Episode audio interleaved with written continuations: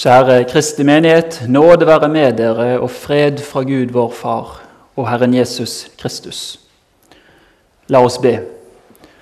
Ja, himmelske Far, vi takker for at vi får samles i Jesu navn på denne vakre søndagen.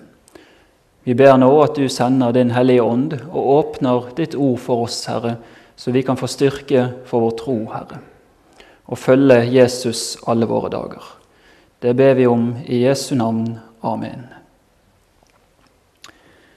Dette hellige evangelium for 18. søndag i treenighetstiden står skrevet hos evangelisten Matteus i kapittel 8, vers 5-13. Da Jesus gikk inn i Kapernaum, kom en offiser til ham og ba om hjelp. Herre, sa han, tjenestegutten min ligger lam hjemme og har store smerter. Jesus sa, 'Jeg skal komme og helbrede ham.' Offiseren svarte, 'Herre, jeg er ikke verdig til at du kommer inn under mitt tak.' 'Men si bare et ord, så vil tjenestegutten min bli helbredet.' For jeg står selv under kommando og har soldater under meg. Sier jeg til en 'gå', så går han, og til en annen 'kom', så kommer han, og til min tjener Gjør dette, så gjør han det. Jesus undret seg da han hørte dette, og han sa til dem som fulgte ham.: Sannelig, jeg sier dere, en slik tro har jeg ikke funnet hos noen i Israel. Det sier jeg dere, mange skal komme fra øst og fra vest og sitte til bords med Abraham og Isak og Jakob i himmelriket. Men rikets barn skal kastes ut i mørket utenfor, da de gråter og skjærer tenner. Til offiseren sa Jesus, Gå, det skal skje slik du trodde. Og tjenestegutten ble frisk i samme stund. Dette var ordene dine, Hellige Far. Hellige oss i sannheten. Ditt ord er sannhet.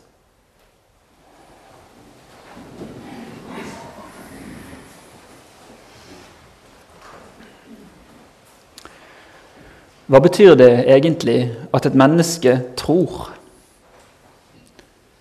Den vanlige tanken i dag, hvis du spør Ola og Kari Nordmann, synes å være at tro står i motsetning til det å vite.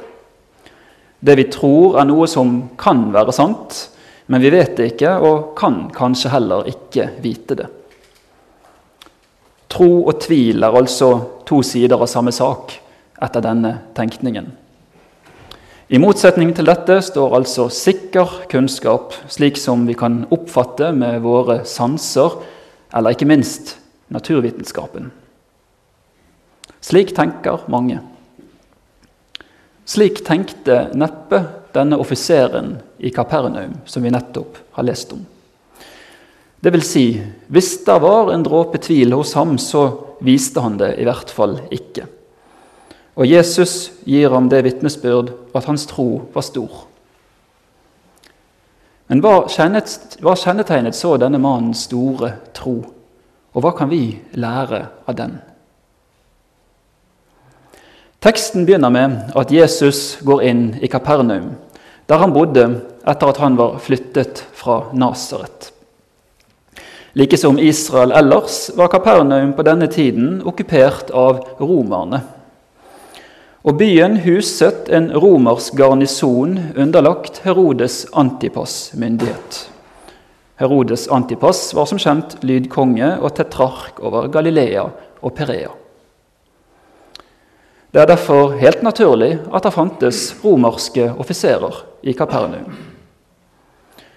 En av dem oppsøker Jesus. Det greske ordet som i teksten er oversatt med 'offiser', sikter til en romersk militærrang som på latin heter centurion. Det betyr leder av hundre. Med andre ord, dette svarer omtrent til en kaptein i hæren i Norge i dag. Matteus er ellers sparsom med opplysninger om denne offiseren. Men i parallellteksten i Lukasevangeliet fremtrer han som noe av en velgjører for det jødiske folk. Han hadde bl.a. bygget synagogen i Kapernaum. Nå oppsøker han Jesus med sitt store problem.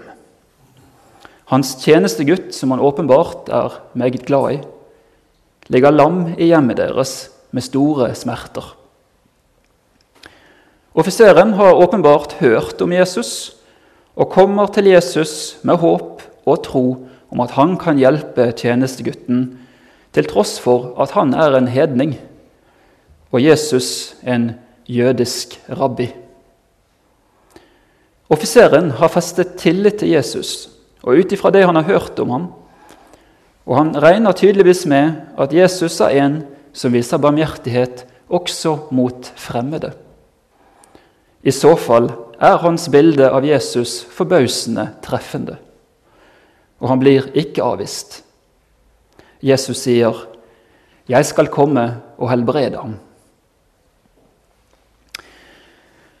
Det svaret til Jesus ville nok vært nok for de fleste, men ikke for denne offiseren. Først sier han, 'Herre, jeg er ikke verdig til at du kommer inn under mitt tak.' Det kan bety enten at han følte seg uverdig i møte med Jesu myndighet, på samme måte som vi ser med døperen Johannes, som sa at han ikke var verdig til å løsne skoremmen hans engang. Eventuelt så kan det bety at han var bevisst jødiske renhetsforskrifter som sterkt begrenset fellesskapet mellom jøder og hedninger. En jøde som gikk inn i huset til en hedning, ville bli regnet som kultisk uren. Og Offiseren kan ha ønsket å unngå, unngå å påføre Jesus et slikt bry. Kanskje var det en kombinasjon av begge disse faktorene, men i alle tilfeller tilføyer offiseren umiddelbart Men si bare et ord, så blir tjenestegutten helbredet. Han tror at Jesus kan gjøre noe ganske uvanlig, nemlig et fjernunder. Han mente at Jesu fysiske nærvær var unødvendig. Jesus kunne jo bare tale et ord, så ville gutten umiddelbart bli frisk, mens han fortsatt lå i sengen sin på den andre siden av byen. Luther skriver i forbindelse med denne teksten det store ved denne troen til den hedenske offiseren er at han vet at saligheten ikke er avhengig av Jesu fysiske nærvær, men av ordet og troen.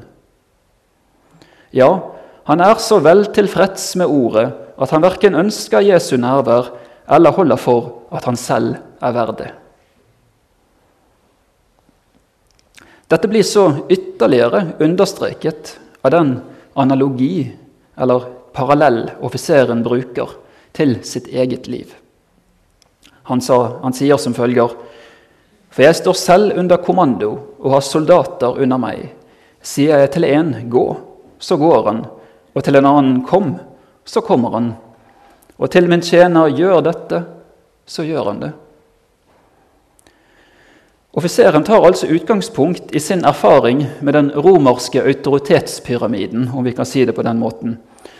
Og han tenkte at like som han selv kan gi ordre med ord, og så skjer det han påbyr, selv om han ikke selv er til stede eller er vitne til det, og like som han selv gjennomfører ordre fra høyere offiserer langt unna, på samme måte kan Jesu kommandere over sykdom og død uten at han selv trenger å være fysisk til stede.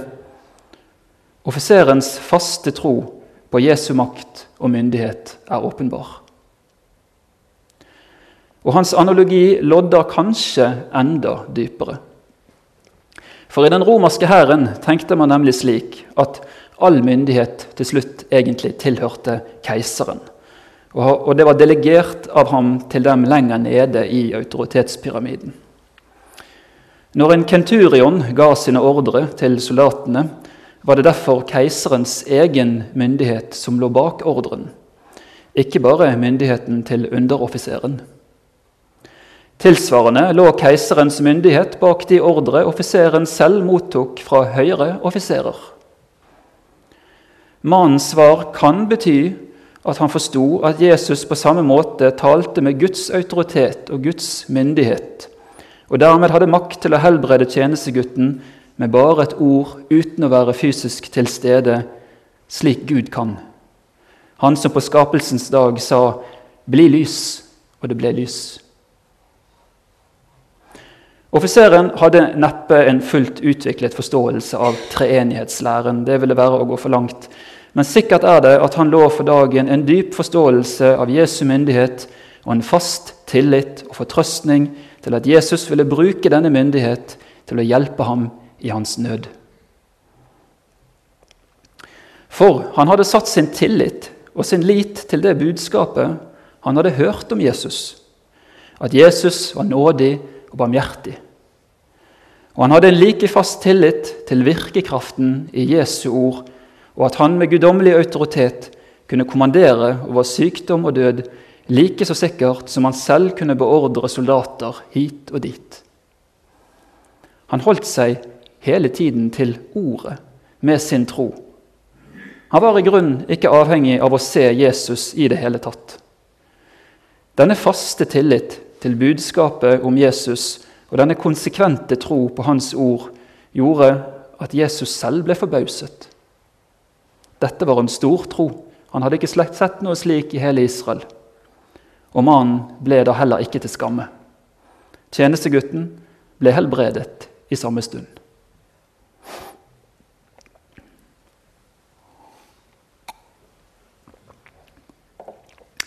Men jeg spør hva mener egentlig Skriften med den stor tro, som den brukes, bruker mange steder, særlig evangeliene?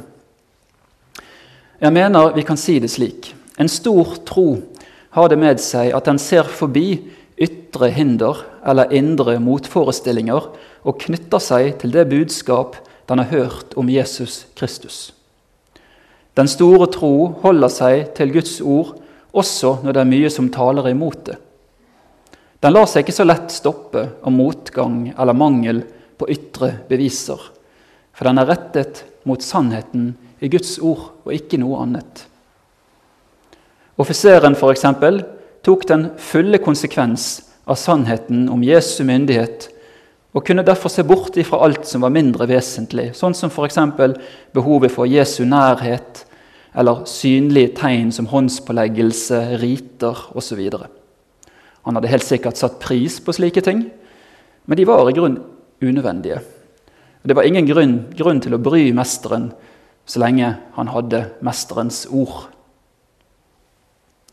Det er også mange andre bibelske forbilder i troen, forbilder på en stor tro. En av de mest kjente er Abraham. Abraham hadde fått det løftet fra Gud at, han bli, at hans ett skulle bli tallrik som stjernene. Men han var etter hvert blitt gammel, og hans kone var både ufruktbar og for lengst forbi overgangsalderen. Paulus underviser om dette i Romerbrevet kapittel 4, der han skriver Abraham var nesten 100 år, men ble likevel ikke svak i troen da han tenkte på sin egen kraftløse kropp og på Saras døde mors liv. Han var ikke vantro og tvilte ikke på Guds løfte, men ble sterk i troen og ga Gud ære. For han var overbevist om at det Gud hadde lovet, hadde han også makt til å gjøre. Det er klart at en slik tro er en styrke, og at den gir Gud ære, som Paulus sier her i Romerbrevet kapittel 4. Den fjerner hinder og gjør det mulig for et menneske å vandre mer rettlinjet og uten vingling i de gjerninger som Gud har lagt klar på forhånd. Det kan også spare et menneske for en del vanskeligheter som kan oppstå pga. en svak tro. La oss derfor lære av de bibelske forbilder og følge etter dem i deres tro. Det er også mulig å be Gud om en større tro, men vit at veien til en større tro ofte går gjennom prøvelser. Men jeg spør igjen hva om min tro ikke er stor, men tvert imot skjelvende, ustabil og stadig plaget av tvil og mismot? Husk da på at troen ikke er en statisk størrelse i noe menneske. Den kan vokse, og den kan avta, også hos dem som i utgangspunktet har fått av Gud en stor tro. Troen er ikke, for å bruke et bilde som reformatorene brukte, som en stein i lommen som bare ligger der, stabil, statisk. Se bare på Abrahams liv, som vi nettopp har fremsatt som et troens forbilde, en som hadde en stor tro. På et tidspunkt fant han og Sara ut at de måtte hjelpe til med oppfyllelsen av løftet ved at Abraham fikk barn med slavekvinnen Hagar. Gud hadde ikke sagt noe om en slik løsning, og han godtok det heller ikke som oppfyllelse av det løftet han hadde gitt til Abraham. Dette var ikke uttrykk for noen stor tro, men viste vel heller at de begynte å bli en smule desperate. Calvin kaller dette treffende for en defekt tro. En defekt tro. Jeg liker det uttrykket. Så var da heller ikke Abrahams eller Saras tro alltid stor, men varierte gjennom deres lange liv. Men deres tro var likevel sann fordi den var rettet mot Guds løfte, enten den var svak eller sterk. La dette være en trøst om du synes at din tro er svak. Jeg vil igjen forsøke å illustrere dette gjennom et bilde. I matematikken har man noe som kalles for vektorer. En vektor har to egenskaper. Det er størrelse og retning. Det er som piler. Se deg for deg som en pil. Det finnes lange piler, og det finnes korte piler. Det finnes piler med ulike lengder. Dessuten har pilen en retning. Den kan peke mot vest eller mot øst mot nord eller mot sør. Pilen kan peke opp, eller den kan peke ned. Den kan være liten, og den kan være stor. Og størrelsen kan variere gjennom de forskjellige forhold. Slik er det med troen også. Den er som en pil. Kan, størrelsen kan variere gjennom, eh, gjennom eh, livet. Med andre ord, men det som er det avgjørende med troen, er altså ikke størrelsen, men retningen. Det er det som er det mest avgjørende. Troen må være rettet mot Guds løfter. Den må være rettet mot Kristus selv, for den griper ham, like som offiserens tro var rettet mot Jesus og det budskap han hadde hørt om ham. Da er det også en frelsende tro, selv om den er liten og anfektet, i motsetning til offiserens store tro. Rosenius har satt treffende ord på dette forhold i en av sine salmer. Der skriver han som følger.: Min tro er vel anfektet, men er dog nå en tro. Avmektig og forsmektet, jeg dog med den har ro.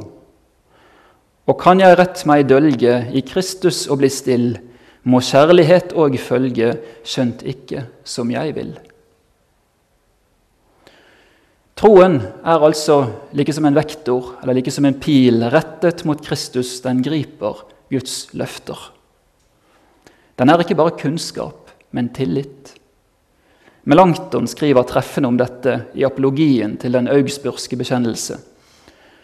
For troen er ikke bare en kunnskap, men mye mer det å ville motta eller gripe det som blir tilbudt i løftet om Kristus. Gud vil at vi skal tro på ham. Han vil at vi skal motta det gode fra ham. Og dette erklærer han for å være en sann gudsdyrkelse. Troen er altså et gripemiddel. Den mottar det som løftet holder frem. Og Dette gjelder langt mer enn bare i forhold til helbredelser, for troen griper Kristus, forsoneren. Troen mottar syndsforlatelsen og nåden som frembys i evangeliet. Derfor lærer Skriften mange steder at mennesket blir rettferdiggjort ved tro. For det er bare troen som kan gripe løftet om syndenes forlatelse for Jesus skyld. Ingen gjerning kan motta et løfte, ingen dyd kan gripe evangeliet. Bare troen har denne egenskap. Det er som det står om Abraham da han fikk det løftet fra Gud at han skulle bli et stort folk, tallrik som stjernene. Abraham trodde Herren, og det ble regnet ham til rettferdighet. Slik er det også i dag, også for oss. Den som tror det løftet om syndenes forlatelse for Jesus skyld som tilbys og rekkes frem i evangeliet, han får sin tro tilregnet som rettferdighet, akkurat som Abraham. Det er også en herlig sannhet at synsforlatelsen tilbys og rekkes oss på flere ulike måter. Vi hører det forkynt gjennom evangeliet og gjennom forløsningens ord som sier at dine synder er deg tilgitt for Jesus skyld. Den samme nåde blir rakt oss i dåpen, og den mottas der i tro selv av små barn lenge før de har noe begrep av hva som skjer. For dette løftet er gitt. Han frelste oss ved badet som fornyer og gjenføder ved Den hellige ånd, som Han så rikelig har øst utover oss ved Jesus Kristus, vår frelser. Paulus brev til Titus. Og vi mottar den samme nåde i Herrens nattverd, der vi rekkes vår Herre Jesus sanne kropp og blod, i og med brød og vin. For dette løftet er gitt som troen knytter seg til. Dette er min kropp som gis for dere. Dette begeret er den nye pakt i mitt blod, som utøses for dere så syndene blir tilgitt. Ved troen mottar vi også det løftet at like som offiserens tjenestegutt ble helbredet i Kapernaum for 2000 år siden, slik skal vi alle en gang høre basunen og stå opp uforgjengelige. Alle Jesu helbredelser her på jorden var forbilder på denne store gjenopprettelse, oppstandelsen fra de døde. Det gjelder selv om du her i tiden kan komme til å oppleve at din tro blir prøvet, og sykdommen vedvarer selv etter bønn om helbredelse. For i oppstandelsen fra de døde vil alle de troendes bønner og lengsler etter uforgjengelighet få sitt endelige svar. Så er da troen ikke en slags mindreverdig eller usikker kunnskap, slik mange tenker i dag. Nei, troen er et pant på det vi håper, et bevis for det vi ikke ser, for å sitere hebreerbrevet. For ved sin tro fikk de gamle godt vitnesbyrd. La oss følge etter dem i deres tro. Ære være Faderen og Sønnen og Den hellige ånd, som var, er og være skal, en sann Gud, velsignet i evighet. Amen.